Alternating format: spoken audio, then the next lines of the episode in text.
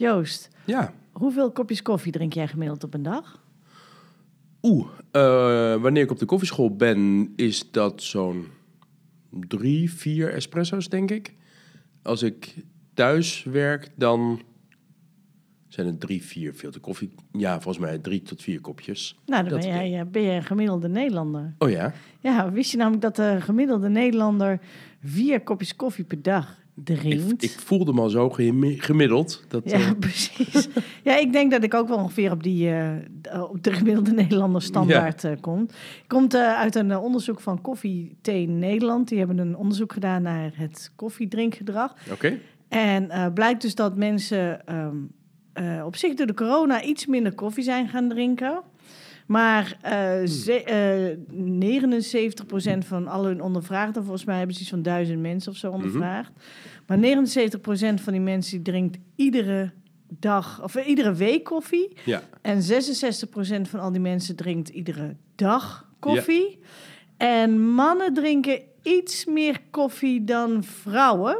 Dat was ook wel Ja, want, verwacht. want Ja. bij mannen drinken ongeveer, in ieder geval 69 van de mannen, procent van de mannen drinkt dagelijks koffie. Ja. En 62 procent van de vrouwen drinkt dagelijks koffie.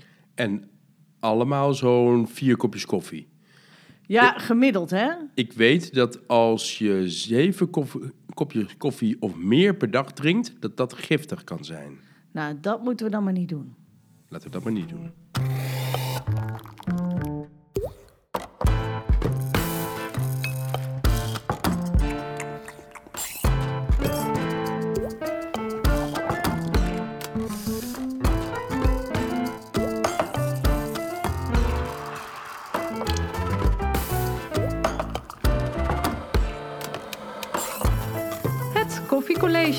De podcast waarin je alles leert over koffie. Hartelijk welkom. Leuk dat je luistert. Ik ben Joost Leopold, De koffiemeester. En ik ben eh Brechtje Debe. de duurzaamheidsexpert binnen de koffie. En eh, wij eh, geven deze week weer een aantal leuke koffiecolleges. Ja. Waar gaan we het eigenlijk over hebben, Joost? Ik ga het in mijn college hebben over water. Oh, dat is niet geheel onbelangrijk. Ik geloof Nee. dat wij voor ongeveer 70% uit water bestaan. En de wereld ook. En de wereld ook. En Ja. de koffie voor wel meer procent uit water bestaat. Veel meer zelfs. En eh, daarnaast ga ik het eh, met jullie hebben over de Ja, waves. ook water dus. Ja, ook water. Golfbewegingen. Over golfbewegingen. Ja, Dus eh, laten we lekker gaan beginnen. Ik heb koffie voor mijn neus staan. Ik ben er klaar voor. lekker.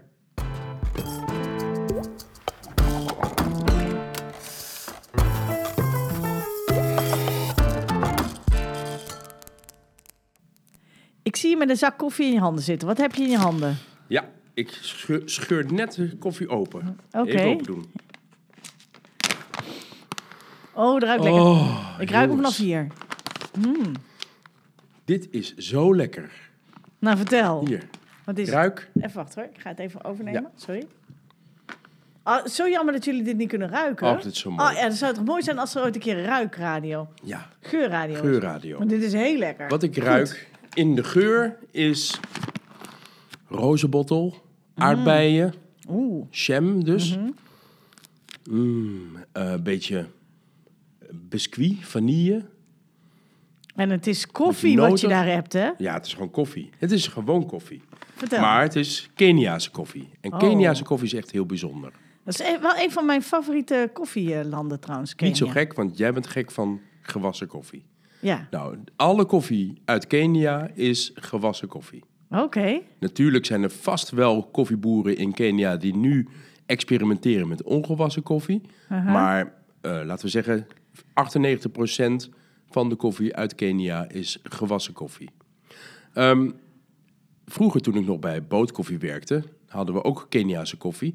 En Jacob Boot, de oprichter van Bootkoffie, die noemde Keniaanse koffie altijd koffie voor artistiekelingen. Koffie voor artistiekelingen. Ja, want deze koffie kan je de hele dag doordrinken. En zelfs 's avonds. En vooral mensen die eh, met de kunst bezig zijn, zijn vooral s'avonds actief.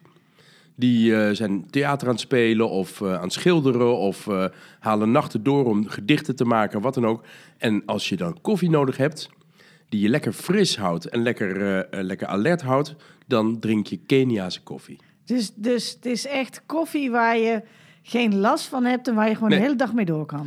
Ja, precies. Deze koffie heeft echt van nature een hele mooie, frisse citrussmaak. Eh, zoals ik net al uitlegde, een beetje bessen en, en, en aardbeiachtig. Eh, wat bekend is wanneer je de koffie drinkt, is een beetje zwarte besachtig. Ja. Ja, en, en chocolade, pure chocolade. Nou, die combinatie is een prachtige combinatie. En dat vind je eh, eigenlijk alleen maar in Keniaanse koffie? Of is Ja. het ook specifieke Keniaanse koffie die je voor je neus hebt? Nou, we zijn in Kenia geweest voor Ja. een koffiereis. En daar hebben we gezien dat er wel verschillende kwaliteiten zijn. Je hebt daar de ehm, eh, AA-kwaliteit, dat is de allerhoogste kwaliteit. Dat zijn de grootste bonen. Ja. En de kleinste bonen zijn de grind. Ja. En grind houdt eigenlijk in grindachtig, grindboontjes. Die wordt gebruik, worden gebruikt voor de gemalen koffie. Oké. Ja, dus is- de kwaliteit daarvan is heel mager. Maar de AA-kwaliteit is de allerhoogste kwaliteit. Dan heb je AB, volgens B. Dan heb je C-kwaliteit. Dan heb je PB, wat Peaberry heet. Oftewel de, de eenlingen in de En koffiebes. daar hadden we de vorige keer over. Hadden we vorige keer over. En dit bewuste zakje wat ik hier in mijn hand heb... is ook Kenia Ndaroini AA-kwaliteit van Oh. Nieri. Oh, dus dat is echt ook gewoon hele... Dit is echt top van de top van de top. Oh, heerlijk. Nou, daar lust ik eh, zo meteen wel een kopje van. Daar ga ik lekker zetten. Ja, eh, ik heb nog even een vraag aan je, Joost. Ja. Ehm, de smaak van je koffie hangt af van het water wat je gebruikt, heb ik wel eens gehoord. Ja. Eh, zou jij daar eens wat meer over kunnen vertellen, hoe dat nou zit? Dat is goed.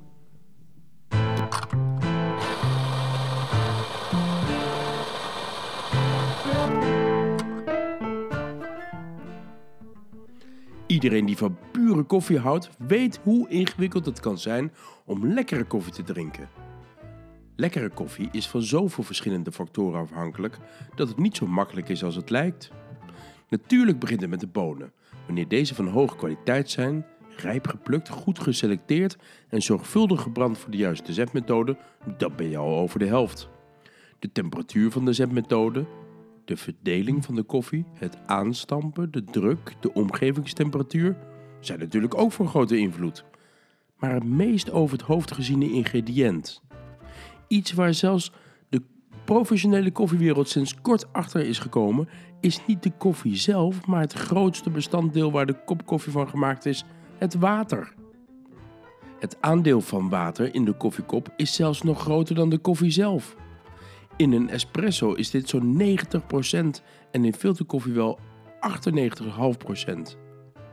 En als het dan zo'n groot aandeel is, dan zal het ook wel van flinke invloed zijn op de smaak van koffie. Ja, veel meer dan veel mensen denken. Wat voor verschillende soorten water kennen we? Nou, voor de bereiding van koffie kan je kiezen tussen fleswater of kraanwater. Het kraanwater in Nederland is heerlijk en kan je gewoon drinken zonder dat er een- nare bijsmaak aan zit. Want water uit het buitenland bevat vaak toevoegingen als chloor en jodium. Nou, toch verschilt het water in Nederland per regio enorm.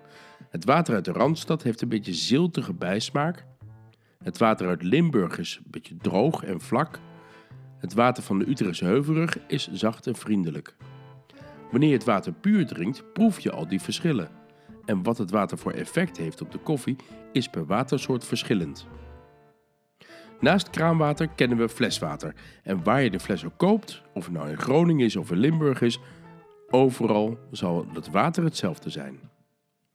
In het water zorgen de mineralen voor de smaakontwikkeling. De lekkerste smaakbalans in, in de koffie is zuur, zoet en bitter. Zitten er te weinig mineralen in het water, zal je koffie te zuur smaken. Te veel maakt te bitter. De juiste samens- samenstelling geeft de grootste kans op zoete koffie, zonder dat je suiker in je koffie hoeft te doen. De hoeveelheid mineralen in het water noemen we droogrestwaarde. Om deze waarde te bepalen wordt een kommetje water gekookt in een oven op 180 graden. Als het water verdampt is, wordt er bekeken hoeveel mineralen er in het kommetje achterblijven. Dat is de droogrestwaarde. Voor koffie is deze waarde het mooiste wanneer het tussen de 75 en de 175 milligram op een liter droogrest is. Water met de juiste hardheid geeft dus de lekkerste koffie. En je kan verschillende watersoorten ook met elkaar vermengen om lekkere koffie te kunnen krijgen. Zo kan je de helft van het waterhoeveelheid vervangen door Spa Blauw, een heel zacht mineraalwater. En door deze te vermengen met je kraanwater krijg je de beste balans. Natuurlijk kan je het water ook filteren met bijvoorbeeld een Brita filter of iets dergelijks.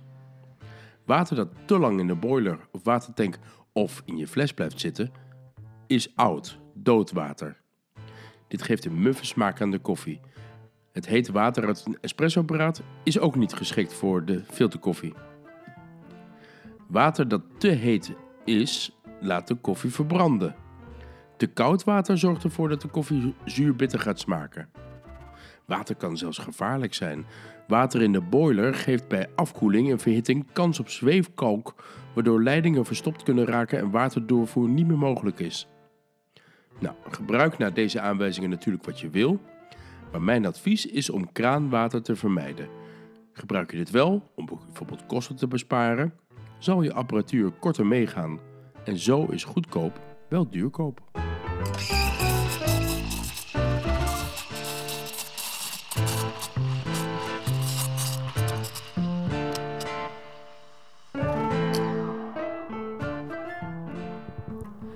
Eh, Joost, als je nou op vakantie gaat Mhm. en je bent in het buitenland en je hebt, eh, nou, whatever, een zetmethode voor jezelf meegenomen, is het dan toch het handigst om water uit fles te nemen? Ja. Want je zegt, kraanwater is niet handig. Ja, je hebt mij best wel eens bezig gezien in de supermarkt. Ja, Dan laat je mij altijd vrij. Dat is heel fijn. Ik ga dan naar de, naar de watersectie, waar honderden verschillende watermerken staan. En wat ik dan aan het doen ben, is alle etiketten naspeuren. Tot de juiste hardheid gevonden is. En dan neem ik die mee. En dan gaan we daar lekker filterkoffie wel- van zetten. dat is inderdaad wel lekker nerdy. Oké, maar me- meestal vind je dan die wel. Er is Ja. altijd, eh, in zo'n land altijd wel een koffie Ja, meestal is wel iets te vinden wat wel een beetje goed is. Ja, echt, eh, vaak is het het goedkoopste fles water is het slechtste voor koffie. Ja. En, en, gebruik nooit, het is ook wel handig. Eh, laat je niet misleiden. Soms zie je een goede droogrest, maar blijkt het koolzuurhoudend water te zijn. Dat is ook niet zo Krijg handig. je bubbeltjes. Krijg je bubbeltjes, bubbeltjes water, ja. Oh, dat is ook niet zo, niet zo Nee. heel handig. En eh, even kijken, de, eh, als jij dus inderdaad heel, heel hard water... In Limburg heb je hard water, hè? Ja, Als je nou bijvoorbeeld in Limburg woont. waarschijnlijk heel, komt het door de mer mergelgrotten. Ja, er zit heel veel kalk in de, in de grond. Ehm, dus als je nou... Wat, ho- hoe eh, eh, smaakt dan je koffie? Ja, ehm, het staat me nog wel bij. We hebben op de camping in eh, Limburg, Zuid-Limburg, toen eh, dat water gebruikt. Ja, de koffie wordt heel bitter en heel vlak. En het Dus is je eigenlijk heel, heel saai. Ja, het is, het is een beetje melige smaak krijg je. Ja. Het is gewoon heel... Ja, ik vind water ook niet lekker. nee, water is daar ook niet Ik vind lekker het om wij te drinken. Wij zijn gewoon verwend, want wij komen uit Utrecht. Ja. Maar ik vind het water daar en in Amsterdam ook niet zo heel erg lekker. Maar het is natuurlijk wel zo dat hoe langer je op één plek zit, hoe minder moeite je daarmee hebt. Nee, je raakt eraan gewend je raakt eraan gewend. En we hebben eh, überhaupt in heel Nederland niet zo'n heel slecht water. Nee. En je gaf aan, in een, eh, Mhm. in een eh, espresso zit 90% water. Ja, Wat is die andere 10% dan? dat is de koffie. Is dat zo dik? Ja, zeker. Je kan er ook niet doorheen kijken. Als je het kopje ziet, is het, zie je een zwart kopje koffie als het ware. Oké. Maar je ziet een lichtbruin of rossig kleur koffie wanneer je Uh-huh. filterkoffie ziet. En, eh, en dan wordt er ook heel vaak bij een, een espresso een glas water Ja, geserveerd.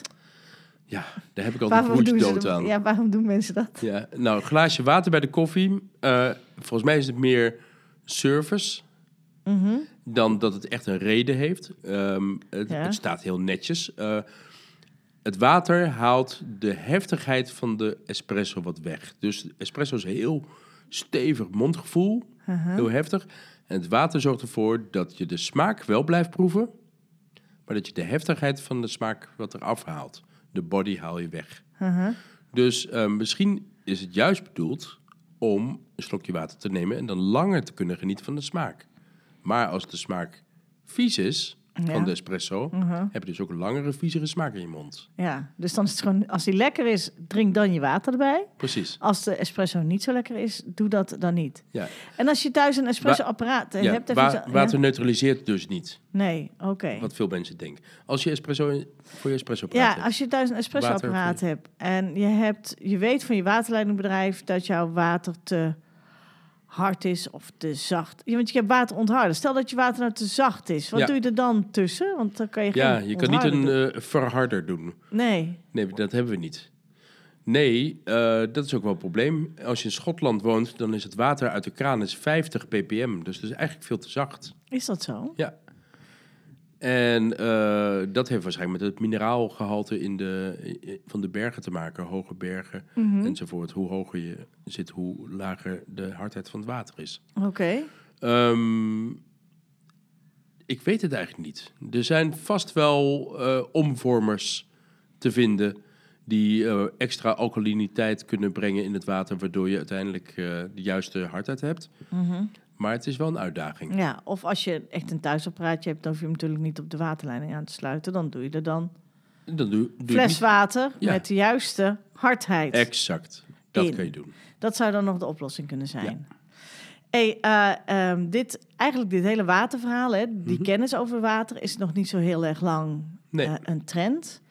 In ieder geval een trend. Eh, da- daar weten wij als koffieprofessionals nog, nog niet zo heel erg lang. Nee, ongeveer een jaar of vanaf? 10, 15. Weet je dat deze vorm van kennis onderdeel uitmaakt van de vierde golfbeweging in de koffie? Huh? Hoe zit dat dan?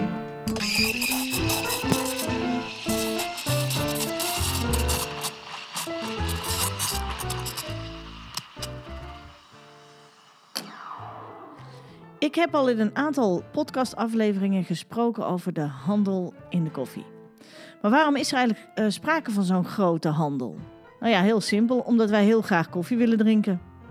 Zoals ik in het begin van deze aflevering ook al aangaf, drinken wij Nederlanders het meeste koffie van alle mensen op deze aarde. Nederlanders zijn verslaafd aan koffie en wij drinken dus gemiddeld vier kopjes koffie per dag. Maar we zijn niet de enige, ook de Scandinaviërs die kunnen er wat van. En de meeste koffie wordt dan ook ingekocht door landen in Europa. De Verenigde Staten staat op een goede tweede plek. En ook elders in de wereld wordt heel veel koffie gedronken. Nou, hoe is het die koffie nou zo populair geworden? Nou, dat leggen we aan, eh, uit aan de hand van vijf golfbewegingen die we kennen in de historie van de koffieconsumptie. Nu moet ik hier wel een kanttekening bij plaatsen. Want wanneer men spreekt van de five waves of the coffee, begint men over het algemeen met het tellen vanaf het begin van de vorige eeuw. Maar zoals ik al eerder heb aangegeven, is de koffiehandel en daarmee de consumptie ontstaan in de eh, 17e eeuw bij de Arabieren, die de koffiedrank introduceerden in Europa en Azië. Hier ontstonden dan ook de eerste koffiehuizen. En in de 18e, begin 19e eeuw werd koffie bekend onder een groter publiek, doordat men het ook thuis ging drinken. Koffie werd verkocht bij de kruidenier, waarna deze thuis werd gemalen en bereid. In 1755 kon je voor het eerst koffie kopen bij de kruidenierszaak van Douwe Egberts in Jouren. Maar even terug naar die golfbewegingen. Wanneer dat dan ook begonnen is, maakt niet uit. Tijdens de eerste golf werd koffie op een traditionele wijze gezet. In eerste instantie van vers gemalen bonen en later werd de koffie voorgemalen en voorverpakt in een pak of in een blik. Je wist eh, niet helemaal niks van het product zelf eigenlijk af. Je wist niks van de herkomst, niks van de plant, alleen dat het koffie was en wat je ermee moest doen. En vooral dat het een verkwikkende drank was. Want daarvoor dronk je koffie. Om wakker te worden en om je even op te laden. Nou, in het midden van de 20e eeuw kwam daar verandering in. Dat noemen we de tweede golf. De Italianen, die in grote getalen naar de Verenigde Staten waren geïmigreerd, hadden ook hun espresso-apparaat meegebracht. Nou, deze kregen een steeds grotere plek in de koffiebar. Ja, precies zoals ik het zeg. Er ontstonden barren speciaal voor het nuttigen van koffie. Deze barren waren aan een merk verbonden en verspreidden zich over heel Ame- Amerika. De meest bekende hiervan is natuurlijk de Starbucks. Inmiddels zijn er meer dan 32.000 vestigingen van Starbucks te vinden over de hele wereld. De consument drinkt nu dus niet alleen maar koffie thuis of op het werk, maar gaat speciaal voor de koffie naar een koffiebar, spreekt daar af met vrienden, gaat daar aan het werk, etc. Voor de jongere generatie is het bezoek aan de Starbucks vaak ook de eerste kennismaking met koffie. Door de zoete toevoeging is de koffie iets minder bitter van smaak, want daar kunnen de jongeren nog niet zo goed tegen. En ja, natuurlijk, je hoort er ook alleen pas echt bij als je naar de Starbucks bent geweest. En vooral als je dan zo'n beker mee kan brengen met je naam erop, die dan net even verkeerd geschreven is. Koffie is daarmee een lifestyle product, product geworden. Nou, na de eerste koffie, eh, kennismaking met koffie smaakt koffie uiteraard naar meer. Dat weten we allemaal. In de derde golf zien we dan ook dat de koffieliefhebber steeds meer wil weten over koffie. Eh, de verschillende dranken op de kaart zijn niet de enige variatie die we willen leren kennen.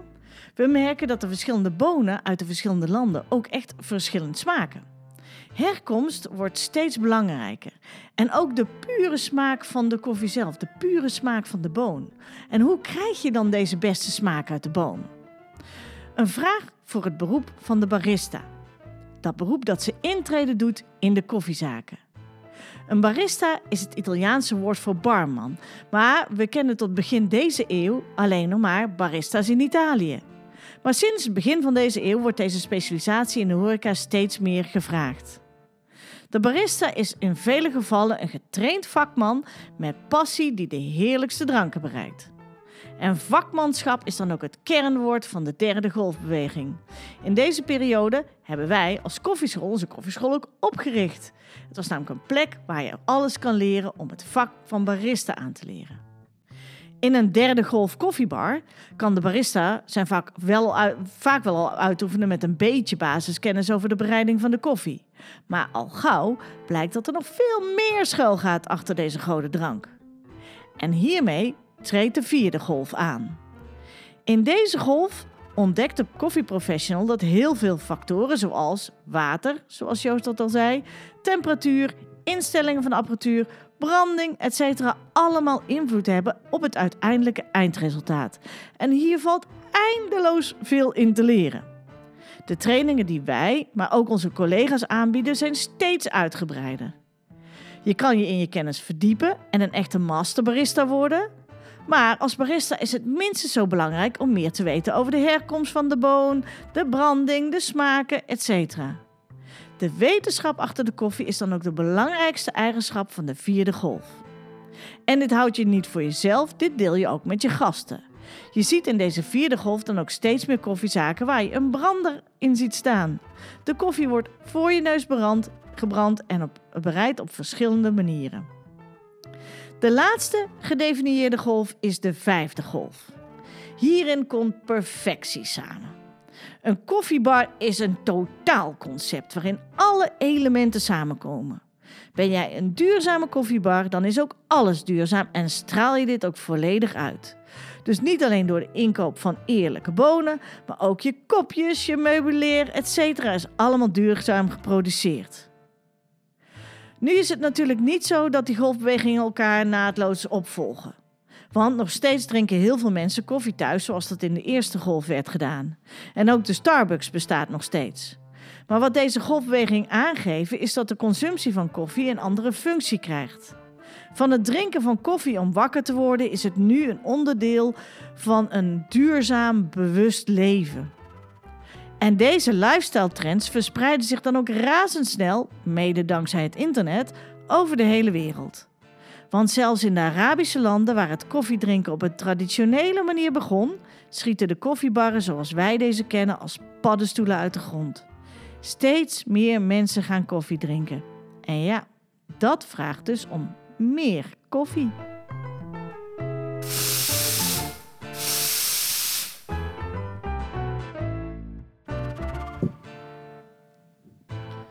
Nu zitten we in coronatijd. Ja. En is het aanbod van koffie totaal veranderd? Is het drinken van koffie totaal veranderd? Werkt corona als een golfbreker, denk je? Nou, het zal me helemaal niks verbazen als hierna weer een nieuwe golf ontstaat. En ik denk dat, ehm, ja, ik weet niet hoe je dat dan moet noemen, maar ik denk bijvoorbeeld, dat heb ik al eens eerder gezegd, de golf van dat je op je werk een koffiebarretje hebt. Mhm. Dat is dan niet de vijfde golf, dat is eh, ook niet de derde golf, dat is een soort van, ja... Nieuwe golf. Ja, ik weet niet, nieuwe golf. Maar, het zou, eh, maar ook het, het aandeel aan thuisbarista's die zich Mhm. eh, meer verdiepen, geïnvesteerd hebben in goede apparatuur, et cetera. Dat maakt in één keer dat er een nieuwe vorm van thuiskoffieconsumptie Ja. komt. Want ik weet nog dat voor corona hadden we het erover, ja, eh, vroeger dronken we altijd koffie thuis, maar tegenwoordig ga je de deur uit voor je Ja. koffie. Ja.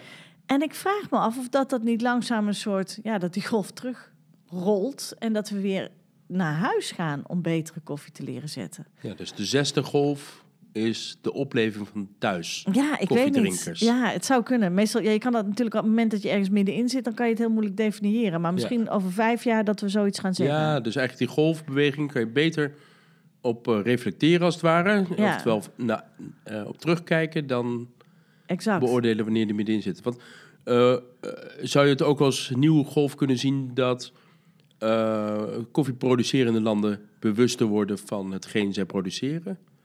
Zou dat ook als golfbeweging gezien kunnen worden?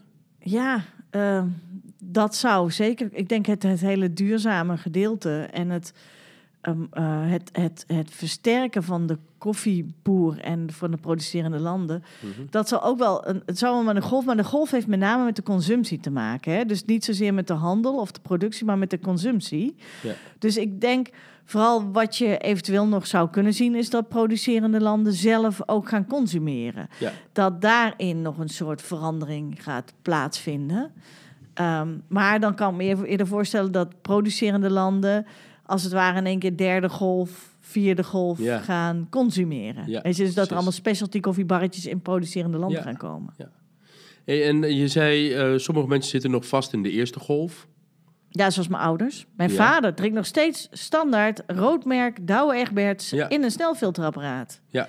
En dat is echt eerste golf. En maakt hem echt niet uit wat voor water, wat voor maling. Nee, Nee, nee, is nee. dus- hij is gewoon zo gewend aan die smaak. Dat vindt Ja. hij lekker. Ja. En ja, ik, eh, ik moet eerlijk zeggen, ik, ik, ik, vind, ik vind het niks. Maar goed, ja, hij houdt ervan. Dus ja, ik zeg altijd, over, smaak valt niet te Welke, twisten. welke golf zit jij? Ehm, ik vind het lastig. Ik ben een... Ja, ik, ik, ik vind het heel moeilijk om mezelf te definiëren. Ik denk dat wij sowieso natuurlijk met de kennis in de... Ik denk wel dat we in een vierde golf zitten. En Mhm. zeker omdat ik heel veel over dat duurzaamheidsverhaal weet en me daarin verdiep... Ja. voelt het alsof je in de vierde golf zit. Maar als het, ja, ik weet niet, ja, misschien ook wel, ja, als ik een koffiebar zou openen, zou ik denk ik ook wel een, een, ja, een boutiquezaak, dat klinkt altijd zo, zo chic, Ja. maar wel een zaak hebben met waar ik echt wel probeer om een duidelijk boodschap en duidelijke focus in aan te brengen. Dus ik denk wel dat ik mezelf vierde, vijfde golf zou willen durven noemen. Ja. Ja, zoiets. Ik ga ook niet zo snel naar koffieketens, zoals een Starbucks of een, een Doppio of wat dan ook. Ik ga het liefste naar echt een specialty koffiebar. Dus ik zit 3, 4, 5. Laten we het zo. En waar voel jij je het beste thuis? Ja, ik, ik zit het liefste in de derde golf, denk ik. Ja, terwijl je ook met kennis, zoals je dan het van Ja. water deed, ook wel weer... Ja, Je bent wel een nerd, hoor. ik ben wel een nerd, dat klopt. Maar ik, ehm, soms vind ik het ook wel lekker om het wetenschappelijk een beetje los te laten.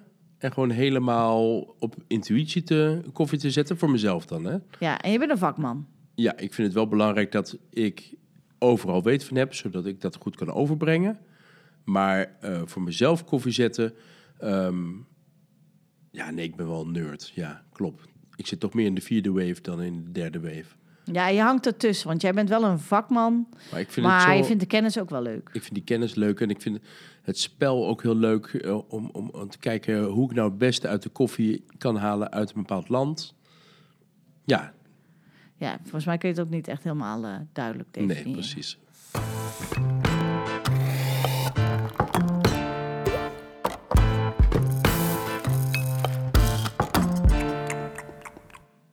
En dan zijn we nu weer aanbeland bij de vragen.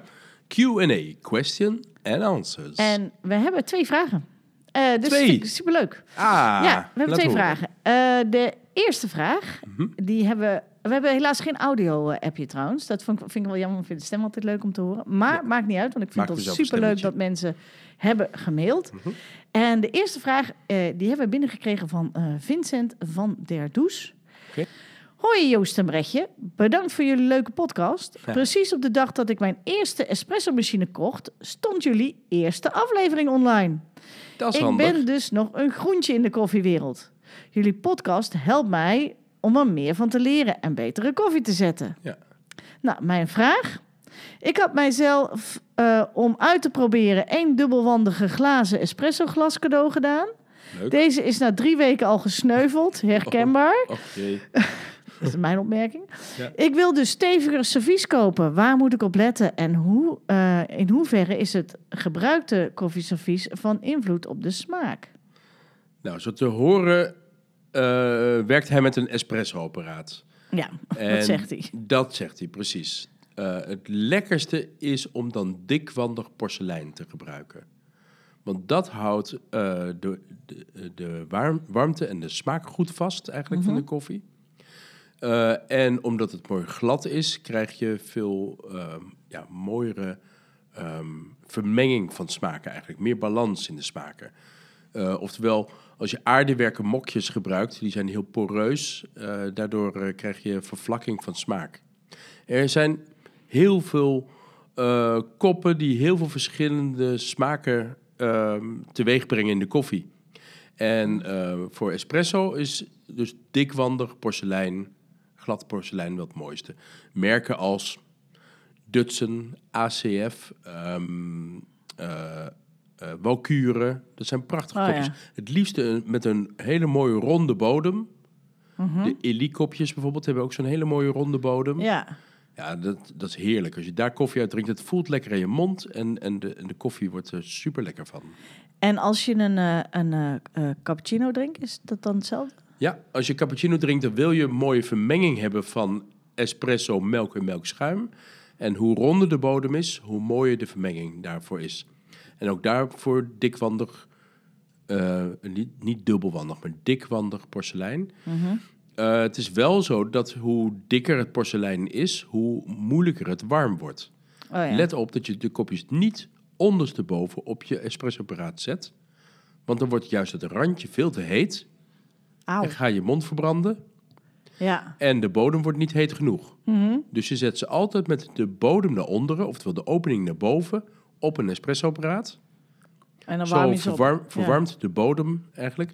Maar let er wel op, voordat je het gaat gebruiken, dat er geen stof in gevallen is. Ja. En eh, wat als je nou zo'n eh, latte macchiato maakt? Ja, Of koffielatte? Latte macchiato. Latte macchiato is welke wil je? Met de drie Die met- met laagjes de drie of de mooie laagjes. latte art? met de drie laagjes. Met de drie laagjes, dat is latte macchiato. Een latte macchiato maakt. En het mooie van de latte macchiato vind ik altijd dat die laagjes vormt Precies. in het als glas. je- Dat je zo mooi verschillende, En als verschillende je laagjes dik, vindt. dikwandig porselein gebruikt, kan je dat niet zien. Exact. Dus daar gebruik je geen porselein voor. Maar kun je daar dan alle glaswerk voor gebruiken? Of is dat... Ja, doorgaans wel. Het liefste wel hittebestendig glas. Ja. Meestal is het ook dikwandig glas. Mhm. Eh, langwerpig, dus niet te bol. Eh, denk aan een vaasje, weet je Oké. wel, voor, voor bier. Dat oh, idee. ja. oh ja. Nou Vincent, eh, dan hoop ik dat dit jouw vraag beantwoordt. Ja, en ik wil je er nog even op wijzen. in de Misset Horeca is een horecatijdschrift voor de mensen die, die koffiezaken hebben of een ander bedrijf die, die kennen dat. Daar staat een artikel in in hoeverre de kop de, van invloed is op de smaak van koffie. Ja. Geschreven door mijzelf. En als je dat eh, wil lezen en je hebt geen Mystatorica, dan kan je het volgens mij ook op onze Facebook zien, toch? Of niet? Ja, Je hebt zeker. het ook gedeeld. Ja. Ja, ik deel het ook. Dus eh, dan kijk even op de Facebook-site van de koffieschool.nl. Precies. Eh, dan had ik nog een vraag. En ja, deze is van een zeer bekende persoon voor jou, namelijk van jouw moeder, Joost. Vind ik wel Hey, schattig, hè? Dus, ja, echt wel lief. Hi Joost en Brechtje, met vier, veel plezier luisteren naar jullie leuke podcast. Ik heb een vraag. Leuk. Mijn vraag gaat over smaak en wel over mijn eigen smaak. Mhm. Vroeger dronk ik de hele dag door grote koppen zwarte koffie. Ja. Jaren later met veel geklopte melk. op één ochtend wel twee of drie koppen en nu hooguit één of twee cappuccino's per dag. Ja, Mijn vraag is, is smaak leeftijd gebonden? Dat is een interessante vraag. ontzettend leuk om eh, een vraag van mijn moeder te krijgen. Dus, eh, Dat kan ze ook rechtstreeks heel doen, maar dit is wel leuk. Dat is toch heel bijzonder. Eh, ja, eh, hoe ouder je wordt, hoe eh, minder smaakpapillen je hebt. En daarmee hoe minder subtiele smaken je kan proeven in koffie. Je, vaak heb je dan meer behoefte aan sterkere smaken. Dus meer zout door het eten, meer hitte in de koffie, hogere temperaturen, veel stevigheid Ja. als het ware om een beetje iets te ervaren in je mond. Ja. Dus wat dat betreft, ja, het is, eh, eh, smaak is leeftijdsgebonden. Eh, het soort koffie, eerst zwart en nu cappuccino. Dat, en, en eigenlijk steeds minder. Dat ehm, is mij niet bekend dat het zo is dat als je ouder wordt, dat je dan steeds minder behoefte hebt aan koffie. Dat weet ik niet. Volgens mij is dat persoonsgebonden. Ik denk dat iedereen het wel een keer heeft. De ene moment, in ieder geval, ik merk dat aan mezelf ook. Dan Ja. ben ik, ik heb van die periodes dat ik heel erg bezig ben, dat ik heel veel cappuccino's drink. Ja. En periodes dat ik eigenlijk wat meer behoefte heb aan filterkoffie of zwarte koffie. En Ja. dan ga ik weer terug naar de cappuccino's. Volgens mij is dat ook, ja, ik weet niet of dat zozeer echt eh, aan, leeftijd gebonden is. Nee, dat denk ik ook niet. Maar goed, ja, de- geen idee. Maar sma- smaak is zeker leeftijdsgebonden. Ja, Maar leuke, leuke vraag, eh Ama. ja, echt super. absoluut. Eh, nou ja, dan, eh, dan zijn we nu aan het einde van deze vragenronde. We hebben er twee. eh, maar ik kan me voorstellen dat jij misschien ook nog een vraag hebt. Ja. En dat je die graag zou willen stellen. En dat je denkt, oh, had ik dat nu maar gedaan? Nou, doe dat dan nu. Althans. Ja, je moet wel snel zijn, want dit is alweer aflevering 8. Ja, En we hebben nog maar één aflevering. Precies, we gaan nog één aflevering maken. En daarna is er even een, eh, een, eh, komt er een bonusaflevering. En dat wordt een hele speciale. Niks vertellen. Maar, nee, maar daarin gaan wij geen eh, directe vragen... Nou, misschien ook wel. Geen vragen beantwoorden, weet ik eigenlijk nog niet. Maar in ieder geval eh, kun je je vraag gewoon nu nog stellen voor de volgende keer. Stuur het naar het koffiecollege apenstaartje eh, koffieschool.nl. Eh, en dat kan in de vorm van een audioberichtje of in de vorm van een e-mail. Beide vinden we hartstikke leuk om te krijgen. Audioberichtje vind ik eigenlijk nog stiekem wel nog leuker. Want het is natuurlijk extra leuk om jullie te horen. Nou, eh, we hopen jullie in ieder geval eh, snel te horen dan.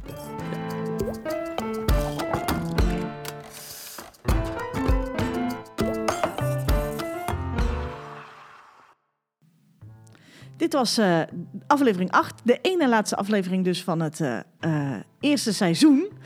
En mochten er nou dingen zijn die je hebt gehoord waarvan je denkt van... Hè, het lijkt wel of jullie het al eerder over hebben gehad. En je kunt alle afleveringen gewoon lekker nog terugluisteren in de podcast-app.